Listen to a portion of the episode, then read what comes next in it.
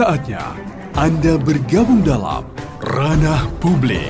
Ranah Publik, Suara Muslim Radio Network. Sampaikan opini Anda. Telepon 031 5624 555. WA 0855 3000 938. Live chat channel YouTube Suara Muslim TV. Dipersembahkan oleh suaramuslim.net. Assalamualaikum warahmatullahi wabarakatuh. Suara Muslim Radio Network. Alhamdulillah Mitra Muslim semangat sekali bertemu dengan hari Senin Dan saya Muhammad Nasir. Senang sekali pagi hari ini menemani Anda dalam program Ranah Publik. Dan insya Allah kita hari ini akan berdiskusi tentang Ini jelang vaksinasi begitu. Kemudian juga pemerintah memperketat ya kegiatan ataupun juga mobilitas masyarakat dengan nama ada PSBB yang semakin diperketat atau pengetasan pengetatan ya kegiatan masyarakat begitu yang dimulai hari ini ada 11 Januari. Namun tadi di perjalanan saya lihat masih agak ramai begitu ya di jalan. Kemudian artinya mungkin apakah memang sudah berlaku benar ini atau hanya pemberitahuannya saja dan bagaimana nanti hubungannya dengan vaksinasi COVID-19. Kita akan diskusikan pagi hari ini bersama narasumber pilihan di Suara Muslim Radio Network. Ranah Publik. Ranah Publik.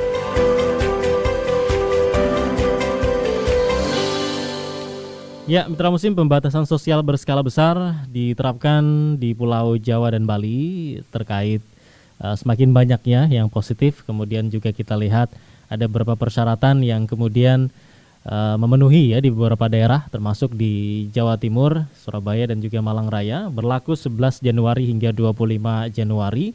Karena melihat tren penambahan kasus positif COVID-19 setiap harinya ada sekitar 6.000 sampai 8.000 kasus per hari. Bahkan kapan hari sampai 10.000 begitu ya Masya Allah. Kemudian kita lihat di pekan-pekan ini juga atau pekan kemarin begitu vaksin sudah datang ke berbagai daerah termasuk ke Jawa Timur dan kemudian kabarnya begitu ya akan segera dilakukan vaksinasi di pertengahan bulan Januari. Namun kita melihat belum ada uh, fatwa utuh dari Majelis Ulama Indonesia MUI tentang kehalalan vaksin ini. Yang ada adalah pernyataan dari Majelis uh, uh, Komisi, Komisi Fatwa MUI yang mengatakan uh, saat ini sudah dilakukan penelitian uh, bahannya halal dan suci tapi masih menunggu juga keputusan dari BPOM ya sehingga harus sinkron keduanya. Tapi kemudian sudah ada banyak diskusi tentang hal ini di masyarakat dan untuk itu saya mengajak Anda diskusi bersama salah satu narasumber yang saat ini juga terhubung di sambungan telepon ada Profesor Khairul Anwar Nizam, Prof Nizam dari Universitas Erlangga Surabaya. Prof Nizam, Assalamualaikum. Alhamdulillah kembali bisa berjumpa dengan Prof Nizam pagi hari ini. Biasanya ya, kalau mau ngubungin Prof Nizam ini sangat sibuk banget gitu ya, apalagi ya, kondisi corona ya, seperti ini.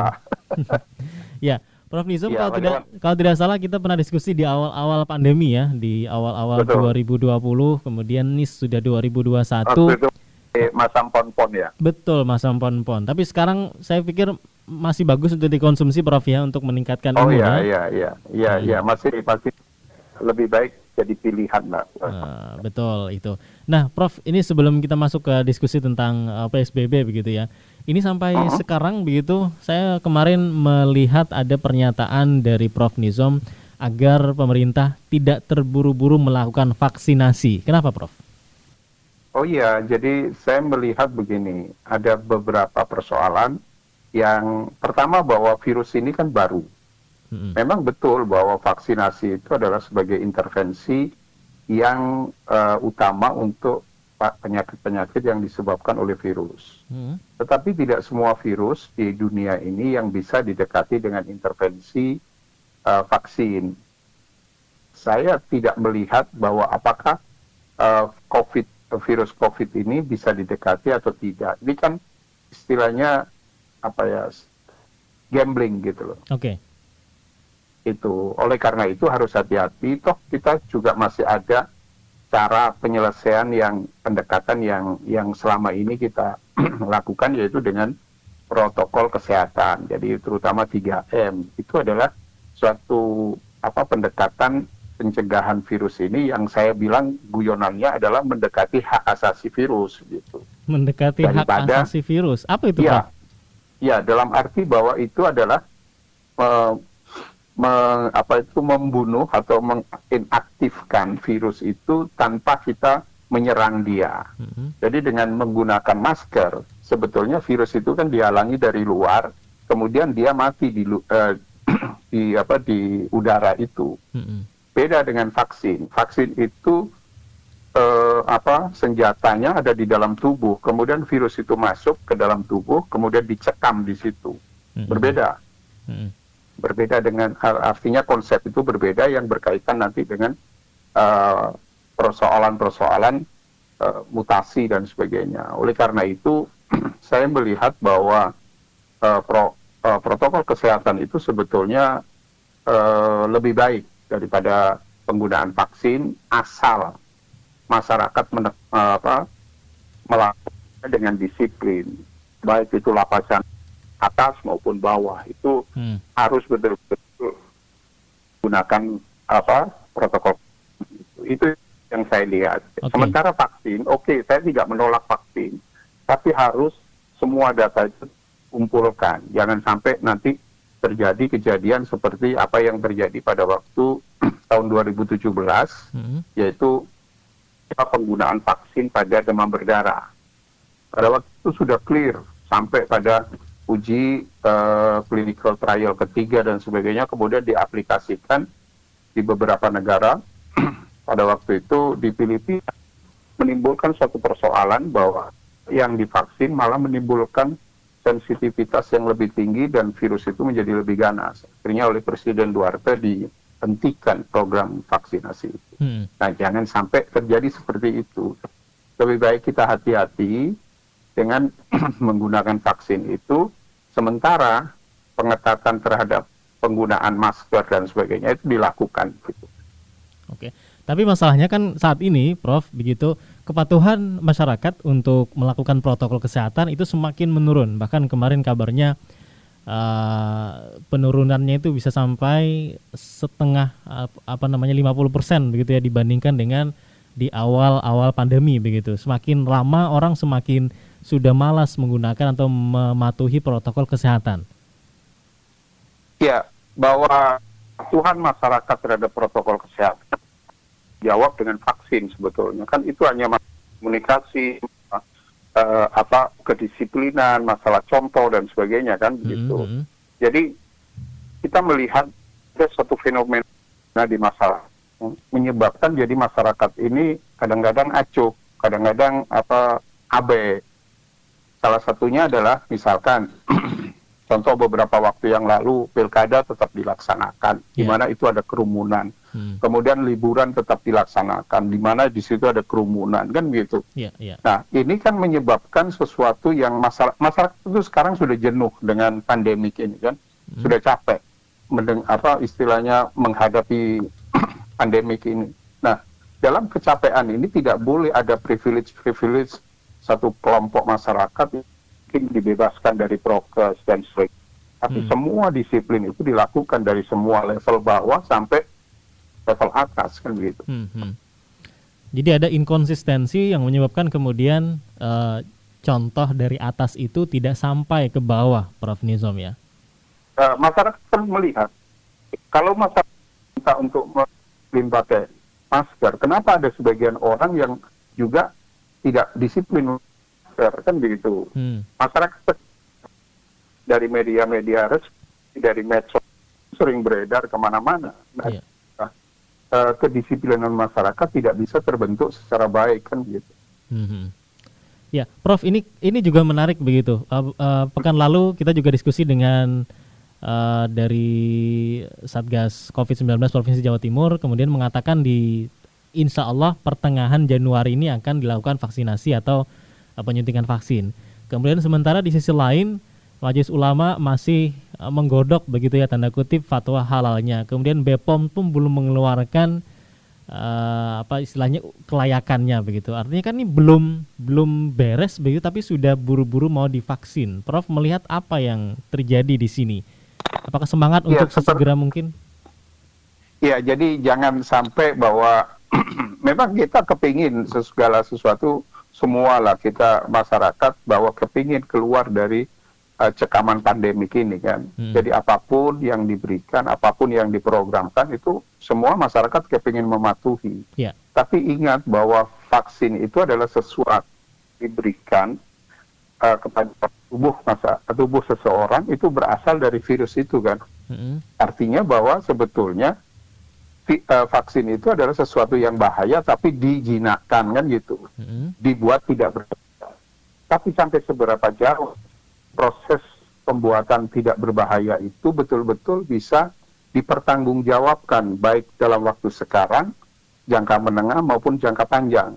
Kita tahu, kita pernah mendengar bahwa ada kasus autis akibat dari vaksinasi yang dibuat jangka panjang, kan hmm. kan begitu. Yeah. Kemudian uh, vaksin di mana ini Filipina atau vaksin demam berdarah menimbulkan virus itu hmm. menjadi lebih ya. Nah ini kan perlu data situasi. Jangan sampai bahwa ingin menyelesaikan masalah tapi timbul masalah kan begitu. Hmm. Demikian juga MUI. uh, eh, jadi diberikan gambaran kepada masyarakat bagaimana sih sebetulnya pengujian kehalalan dari suatu vaksin. Kita ingat beberapa tahun yang lalu ada peristiwa yang sebetulnya MUI sudah memberikan kata halal kepada suatu vaksin. Hmm.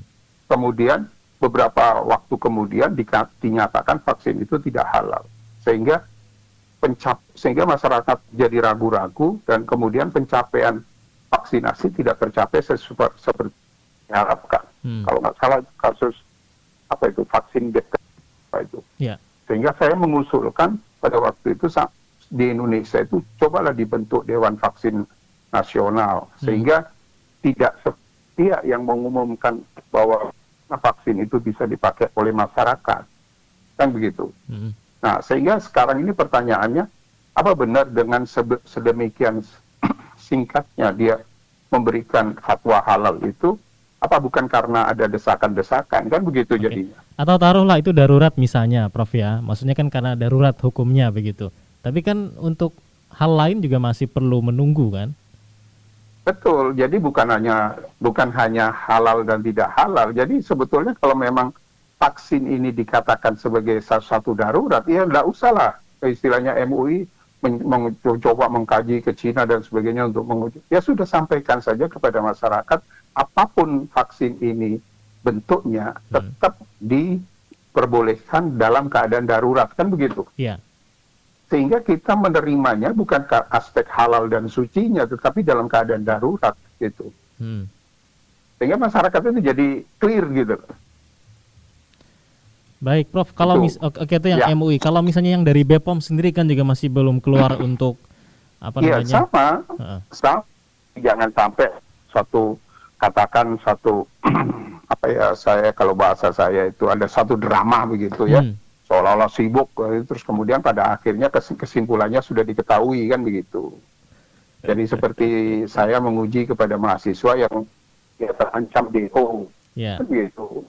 Pesannya bahwa mahasiswa itu harus lulus kan gitu. Oke. Okay.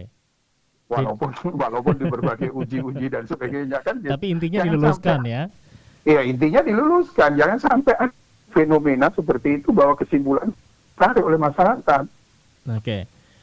Prof Nizam, let's see misalnya itu itu memang di, dilolo, diloloskan begitu ya uh, untuk apa namanya pengganu, penggunaan darurat izin izin apa namanya penggunaan COVID ini.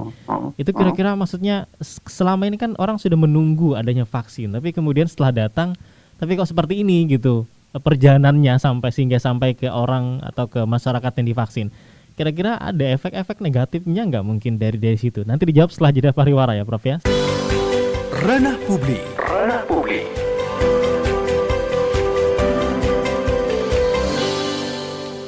Uh, hampir senada dengan pertanyaan saya sebelum jeda tadi ini ada komentar dari Pak Suyanto ya di Instagram Suara Muslim. Legalitas ketoyiban vaksin tersebut cocoknya untuk orang yang berada di daerah asal vaksinnya katanya di daerah Cina uh, yang karena COVID-19 sudah mengalami banyak mutasi sehingga vaksin yang pas untuk orang Indonesia harusnya vaksin yang dihasilkan oleh ahli-ahli mikrobiologi Indonesia juga. Dan saatnya kita bangsa Indonesia mandiri para pakar mikrobiologi semua lagi proses untuk menemukan antivirus yang sesuai dengan mutasi yang berkembang di wilayahnya. Kemudian Pak Bejo izin bertanya mungkin apakah sudah ada informasi negara mana yang menggunakan vaksin Sinovac ini eh, Sinovac ini dan sukses nggak ada masalah begitu. Oke. Tadi kan kita juga sempat ngobrol ada efek negatifnya ya begitu, Dok uh, Prof Nizam? Ya, jadi saya ingin merangkum semua pertanyaan tadi bahwa betulnya uh, vaksin itu dari sebetulnya nggak ada masalah.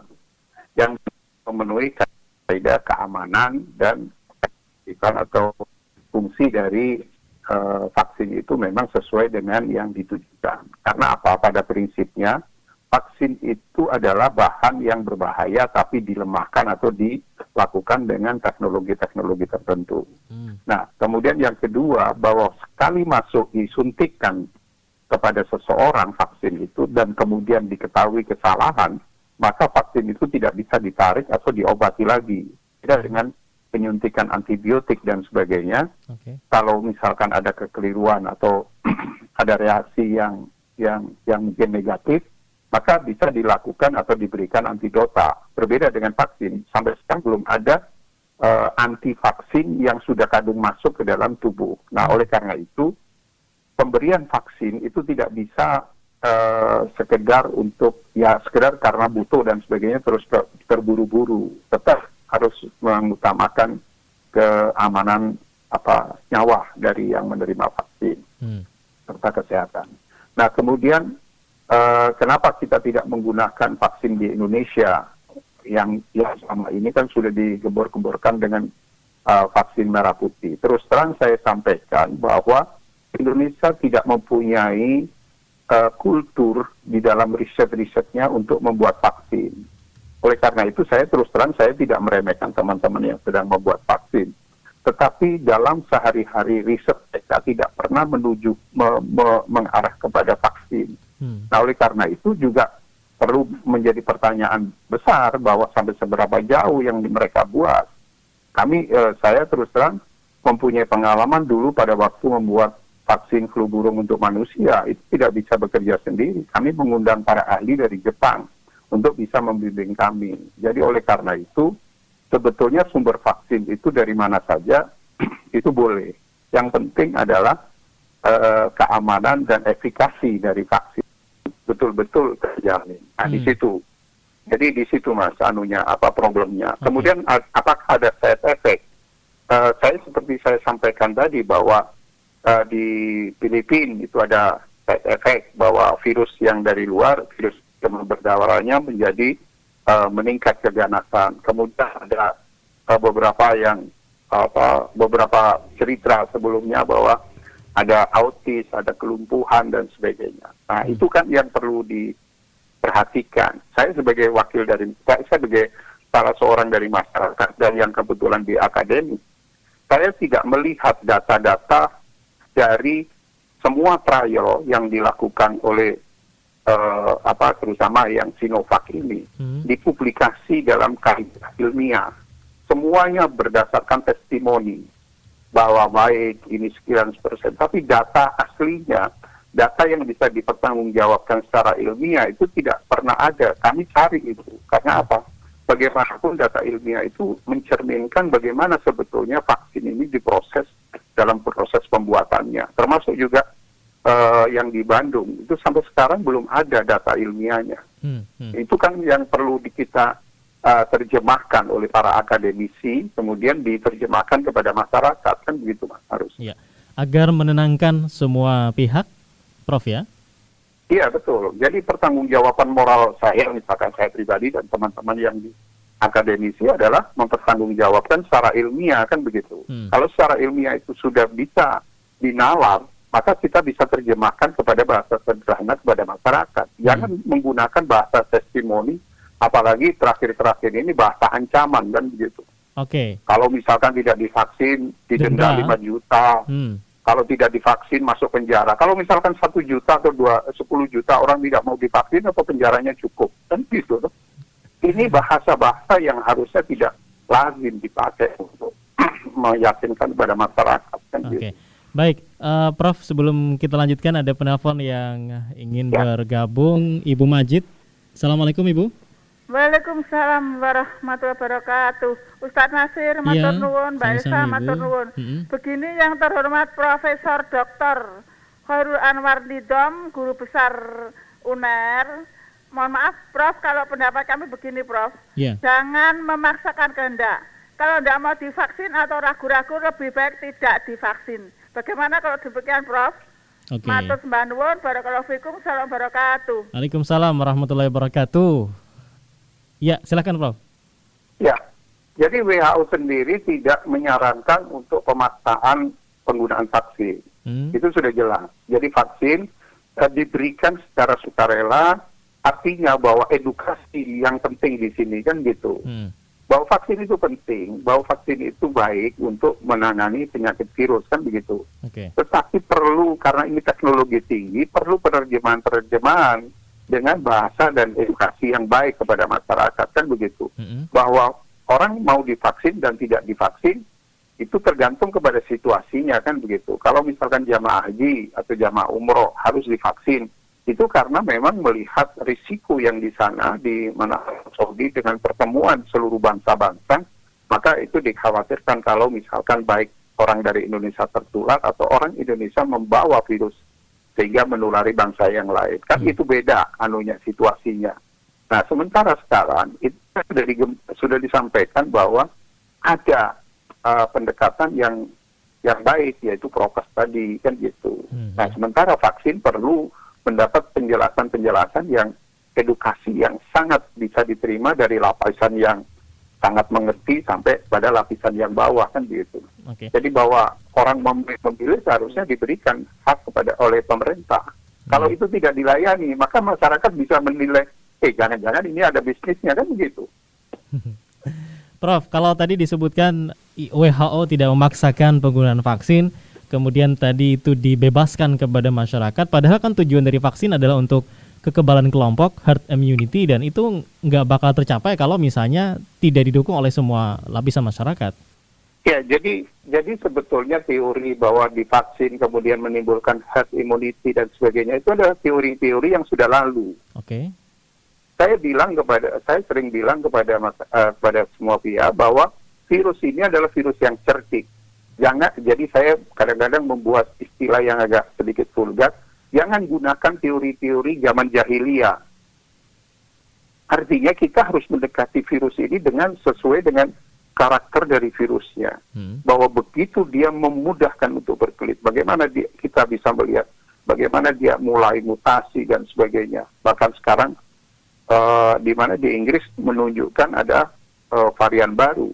Bagaimana masyarakat di Inggris? Apakah dia tidak uh, ini dan sebagainya, kemudian dilakukan vaksinasi dan dilakukan vaksinasi itu tidak menunjukkan yang terbaik. Oleh karena itu, virus ini sebetulnya buat saya sebagai seorang uh, peneliti virologi hmm.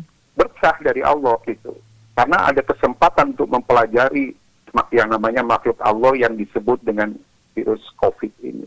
Begitu menariknya dari aspek virologinya. Oleh karena itu penanganannya juga harus menggunakan kaidah-kaidah baru. Hmm. Oke. Okay. Tapi tetap kan maksudnya meskipun tadi bukan untuk herd immunity, tapi maksudnya tujuan untuk membuat kekebalan kelompok komunitas itu kan bisa dilakukan dengan vaksin ini, Prof. Iya, sebetulnya itu tujuan utama, artinya bahwa itu yang diharapkan. Tapi kalau menimbulkan suatu persoalan side efeknya lebih besar, mudorotnya lebih besar daripada manfaatnya, apa yang harus kita ambil posisi kan begitu. Hmm masih ada cara-cara lain yang bisa kita inikan. Okay. Yang penting bahwa masyarakat itu diberikan edukasi-edukasi yang konsisten gitu. Hmm. Baik. Uh, Profesor mengatakan tadi pendekatan yang terbaik adalah dengan protokol kesehatan. Nah, kalau kita lihat uh, penurunan kepatuhan masyarakat untuk menggunakan masker, kemudian untuk menjaga jarak, kemudian menggunakan masker dengan cara yang benar, ini hanya sekitar separuh saja yang mau patuh di akhir 2020 tadi disampaikan oleh narasumber kita di uh, pekan yang lalu begitu ya. Artinya uh, vaksin kemudian kontroversi begitu. Kemudian kepatuhan menggunakan protokol kesehatan juga menurun. Ujungnya apa nanti? Artinya kan kedua-duanya ditinggalkan oleh masyarakat. Enggak lah, masyarakat Indonesia enggak begitunya. Uh, artinya bahwa begini, ini kan vaksin ini sebetulnya bukan tidak bagus, tetapi kita membutuhkan data-data yang lebih lengkap supaya mudorotnya itu jangan terlalu tinggi kan gitu mas. Hmm. Oleh karena itu diperlukan data keterbukaan, kejujuran lah. Saya bilang kalau ada sedikit ini vulgar gitu, kejujuran dari uh, pengelola vaksin ini. Nah itu dengan kan dengan keterbukaan data dan sebagainya sehingga kita bisa menganalisis sampai seberapa jauh manfaat dibanding dengan mudorotnya. Kalau misalkan memang oh mudorotnya terlalu kecil, manfaatnya terlalu besar, ya sudah kita lakukan. Memang itu kaidah umum untuk vaksinasi hmm. suatu virus, kan begitu. Nah kemudian ketidakpatuhan masyarakat terhadap uh, apa prokes protokol kesehatan yeah. itu kan masalah masalah edukasi kepada masyarakat kan begitu mas hmm. bahwa menggunakan masker itu adalah sesuatu hal yang baru dan berbeda budaya dengan di katakanlah saya pernah tinggal di Jepang. Hmm. Orang Jepang kalau menggunakan masker itu berarti menghormati orang lain karena dia pada waktu itu sakit mungkin supaya tidak menularkan kepada yang lain dia memakai masker hmm. sehingga saya kalau berada di sekitar orang bermasker saya merasa terhormat karena orang itu menghormati saya. Tapi beda kan di Indonesia. Orang menutup hidung di Indonesia itu sama dengan menghina sebelahnya kan gitu. Kebalik ya. Kebalik. Uh. Nah, ini kan perlu pendekatan-pendekatan yang yang apa ya yang al, melibatkanlah ahli-ahli apa sosiologi, ahli psikologi dan sebagainya. Bagaimana memberikan penjelasan ini secara baik kan hmm, gitu. Hmm, hmm. Jangan jangan apa istilahnya saya bukan apa-apa itu uh, apa petugas keamanan yang disiapkan untuk mengontrol apa mengontrol memakai masker. Nah setelah lewat dari petugas keamanan ya dia lepas lagi kan gitu. Hmm. Saya memberikan contoh bahwa penggunaan helm dulu bahwa orang tidak biasa menggunakan helm, toh lama-lama juga ingin menggunakan helm. Jadi ini metode pendidikan aja mas, metode edukasi. edukasi. Jangan langsung disimpulkan bahwa masyarakat enggak peningkatan data ya saya tidak bisa menganalisis. Tapi peningkatan kasus-kasus ini disebabkan oleh dua hal sebelumnya yaitu masa liburan dan masa pilkada kan gitu. Oke, baik ini sesi terakhir Mitra Muslim dalam ranah publik. Kita masih bersama Profesor Hairul Anwar Nizom dari Universitas Erlangga Surabaya. Prof Nizom ada pertanyaan dari WhatsApp kita ya. sapa ya. Ada ya. Pak Ainur Rofik yang menanyakan apakah COVID murni bisa menyebabkan kematian atau karena penyakit penyerta? Karena menurut saya yang berpikiran awam, sebuah keanehan virus yang dianggap berbahaya namun banyak orang yang bisa sembuh setelah uh, positif ya. Padahal vaksinnya pada belum divaksin begitu. Ya. Ya, jadi sebetulnya virus ini kalau dari aspek virologinya termasuk golongan virus yang lemah, yang yang tidak ganas. Mm -hmm. Tetapi virus ini berkait dengan komorbid, jadi apa penyakit bawaan dari setiap orang. Nah, itu yang menyebabkan. Jadi kecerdikan virus ini bisa masuk ke dalam otak, ke dalam ini dan sebagainya. Jadi kalau tatkala orang itu mempunyai uh, masalah di dalam uh, dirinya, misalkan ada penyakit-penyakit komorbid, maka itu yang menjadi masalah. Yang kedua, beban psikologis tatkala seseorang masuk rumah sakit itu sangat tinggi karena kebiasaan di di Indonesia ini kan orang masuk rumah sakit itu kan pasti ditunggui keluarga dan sebagainya. Hmm. Kemudian dia masuk di rumah sakit sendirian, kemudian dihadapkan kepada para medis yang berpakaian APD dan sebagainya. Ada situasi-situasi psikologis. Nah, oleh karena itu kita sarankan agar di rumah sakit itu juga didampingi teater atau psikolog sehingga mereka yang ada di rumah sakit itu bisa uh, mengelola kejiwaannya karena memang terus terang tidak hampir semua orang uh, pasti kalau masuk rumah sakit kan menimbulkan satu persoalan-persoalan tersendiri. Hmm. Berbeda dengan misalkan isolasi mandiri. Isolasi mandiri asal ada pendampingan, mereka insya Allah akan lebih baik daripada yang masuk rumah sakit. Nah, hmm. artinya bahwa virus ini sebetulnya tidak begitu ganas, tergantung kepada bagaimana diri kita mengelola tatkala kita terinfeksi kan gitu. Hmm. Nah, masalahnya di Indonesia ini kan data rekod uh, data kesehatan nasional itu tidak ada sehingga orang yang terinfeksi kemudian dinyatakan masuk rumah sakit di, di rumah sakit masih mencari-cari komorbidnya dan sebagainya kan gitu. Oh, nah ini ini yang menyebabkan salah satu kenapa ada peningkatan apa kematian di Indonesia dan khususnya di Jawa Timur. Hmm. Saya rasa itu pengelolaan di rumah sakit saja. Ya, sehingga tracing komorbidnya itu juga memerlukan waktu tadi Prof ya, karena datanya ya, ya. tidak lengkap. Oke, kita beralih Apa, ke uh, gimana? apalagi vaksin, kalau toh misalkan mau diterapkan, seharusnya yang divaksin itu tidak boleh ada virus, mas. Tiga jam sebelum disuntik itu dinyatakan dia tidak ada tidak ada virus uh, COVID di dalam tubuhnya. Itu itu karena nanti kalau misalkan masih ada virusnya itu, maka virus itu akan bertarung dengan apa antibodi yang ada di situ sehingga tujuan awal bahwa dia menghindari uh, apa virus yang dari lapangan itu tidak tercapai. Oleh karena itu seharusnya orang-orang yang divaksin itu tiga jam sebelumnya dinyatakan negatif terhadap virus. Oke. Jadi yang positif, yang sedang dirawat, yang sedang isolasi itu tidak bisa divaksin, Prof ya sebelum ada vaksinnya akan menjadi percuma begitu. Oke, kecuali sudah ada karena, pernyataan resmi.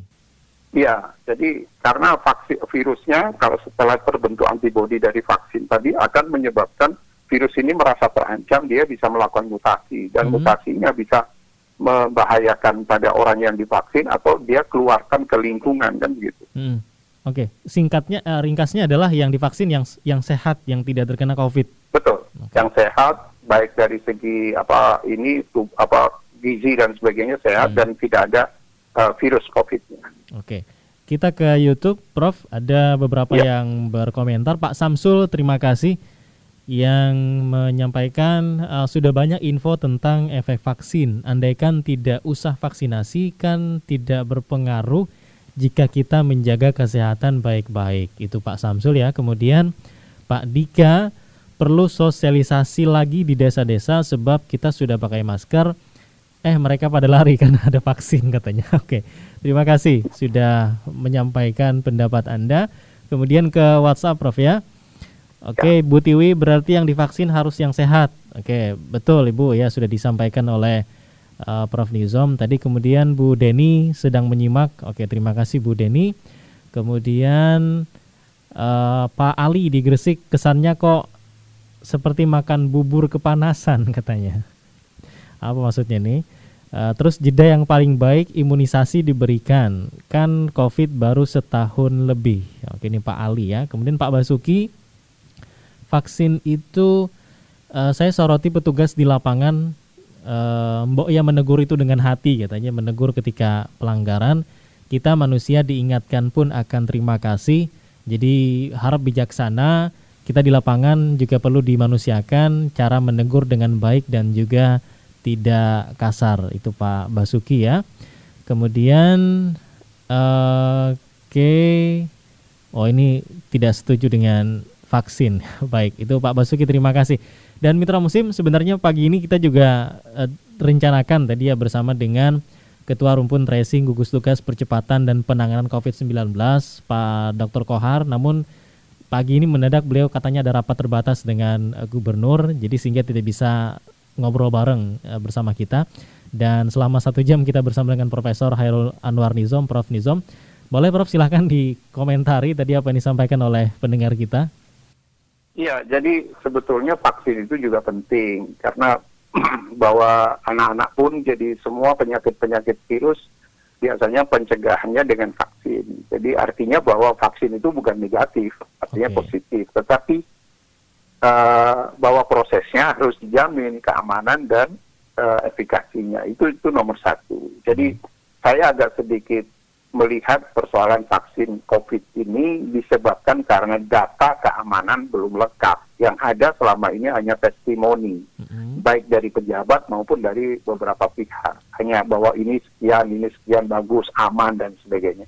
Yang dimaksud aman itu aman sekarang, aman yang akan datang, atau masa yang akan datang lagi. Dan mm-hmm. begitu itu harus di betul-betul dilakukan uh, informasi yang sejelas-jelasnya. Dan ilmiah, Prof. Bahwa ya? Iya, iya. Jadi artinya bahwa itu memang vaksin itu pembuatan vaksin itu bukan hanya sekedar membuat jamu, tetapi semua harus didata secara ilmiah. Dan kami sebagai orang akademisi akan mewakili masyarakat untuk menilai vaksin itu sampai seberapa jauh kan begitu mas. Hmm. Nah artinya bahwa masih ada alternatif yaitu dengan menggunakan masker dan sebagainya. Nah ini saja ditemukan di apa diinformasikan kalau perlu orang yang tidak mau memakai masker istilahnya kan buku, uh, edukasinya harus de dengan sebaik-baiknya kan begitu mas. Hmm. Jadi tadi ada yang mengatakan bahwa menegur dengan hati itu insya Allah saya akan lebih baik. Nah kemudian memakai masker itu mudaratnya lebih kecil, jauh lebih kecil daripada man dibanding manfaatnya. Manfaatnya sangat besar hmm. bahwa virus itu dihalangi untuk masuk ke dalam saluran pernapasan kita. Jadi artinya bahwa kita memang menghalangi virus. Tapi kalau vaksin itu kita menyediakan tubuh kita mas dimasuki oleh virus, kemudian dari dalam diserang oleh antibodi kan gitu. Hmm. Oke. Okay. Intinya adalah keterbukaan data dari pengelola vaksin itu tidak ya. nemu datanya atau memang datanya tidak dikeluarkan ke publik ya Prof ya? Saya tidak tahu persis, tapi yang jelas seharusnya bahwa katakan BPOM nanti, uh, saya sih menunggu BPOM saja bahwa BPOM hmm. menyatakan aman, maka data itu sudah tersedia dan semua pihak bisa membaca yang dimaksud aman apa, hmm. kan begitu. Bukan okay. aman itu karena disuntikan terus kemudian orang nggak merasa nyeri dan sebagainya bukan di situ. Hmm. Bahwa setelah masuk kemudian apa efek-efeknya. Hmm. Jadi mungkin saya sedikit uh, menyinggung tentang bagaimana pengujian vaksin. Kebetulan saya uh, sering menguji vaksin di preklinik ya mas ya. Yeah. Jadi toksikolog toksisitas dari suatu vaksin itu diuji betul-betul sampai semua organ di hewan coba itu dianalisis. Nah kemudian nanti dari Eh, masing-masing uh, organ itu dianalisis kemudian dilihat mana yang uh, efek utama, mana efek sekunder, mana efek tersier dan klasternya.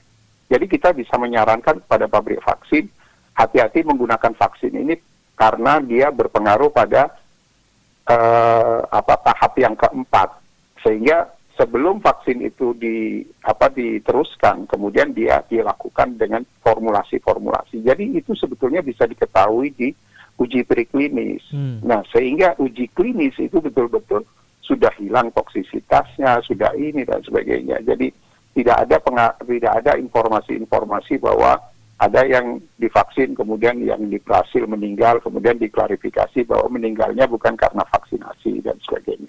Nah, itu sebetulnya sudah kalau apa vaksin yang secara umum itu sudah uji di klinis, sudah uji di mana manusia itu clinical trial itu sudah safe dari aspek toksisitas, kemudian ini dan sebagainya. Tinggal pada uh, jumlah manusia yang clinical pertama itu mungkin 50, kemudian 200, kemudian ribuan yang ketiga. Nah, kita bayangkan bahwa vaksin demam berdarah yang sudah dilakukan tahapan sebegitu detailnya tapi pada waktu diaplikasikan masih menimbulkan persoalan. Nah itu kadang-kadang yang kita tidak melihat jangka menengahnya bagaimana kan begitu. Hmm. Hmm. Oke, okay. artinya uh, semua harus berupaya sekarang, Prof ya, untuk meningkatkan apa namanya kepatuhan pada protokol kesehatan, uh, seraya tentunya menunggu kevalidan informasi data tentang vaksin ini sehingga benar-benar aman untuk divaksinkan kepada masyarakat. Betul, Mas. Okay. Saya setuju itu. Jadi artinya bahwa masyarakat disiplin, kemudian semua pihak memberi contoh yang terbaik bagi masyarakat. Hmm. Terima kasih Prof. Nibzom sudah diskusi pagi ya, hari ini. Sama-sama. Semoga bisa diskusi lain ya. waktu. Assalamualaikum. Ya. Waalaikumsalam warahmatullahi Demikian Mitra Musim Profesor Dr. Khairul Anwar Nizam, Guru Besar di Universitas Erlangga Surabaya, pakar vaksin juga. Ada yang menarik tadi yang beliau sampaikan begitu ya, artinya jangan sampai dengan hadirnya vaksin kemudian nanti akan ada penyuntikan begitu ya, kepatuhan kita kepada protokol kesehatan menurun. Nah, ini juga yang menyebabkan kita untuk terus menerus harus istiqomah ya bahasa bahasa kita istiqomah untuk menjaga kesehatan kita masing-masing. Dan produser eksekutif yang bertugas pagi hari ini Raga Satria, gatekeeper Elsa Harunisa, Edi Haryanto, videografer saya Muhammad Nasir, pamit dari ruang dengar Anda. Subhanakallahumma bihamdika, asyhadu an la ilaha illa anta, astaghfiruka wa atubu ilaik. Maha suci Engkau ya Allah dan segala puji bagimu. Kami bersaksi tiada Tuhan yang berhak diibadahi selain Engkau. Kami mohon ampun dan bertobat kepadamu. Assalamualaikum warahmatullahi wabarakatuh.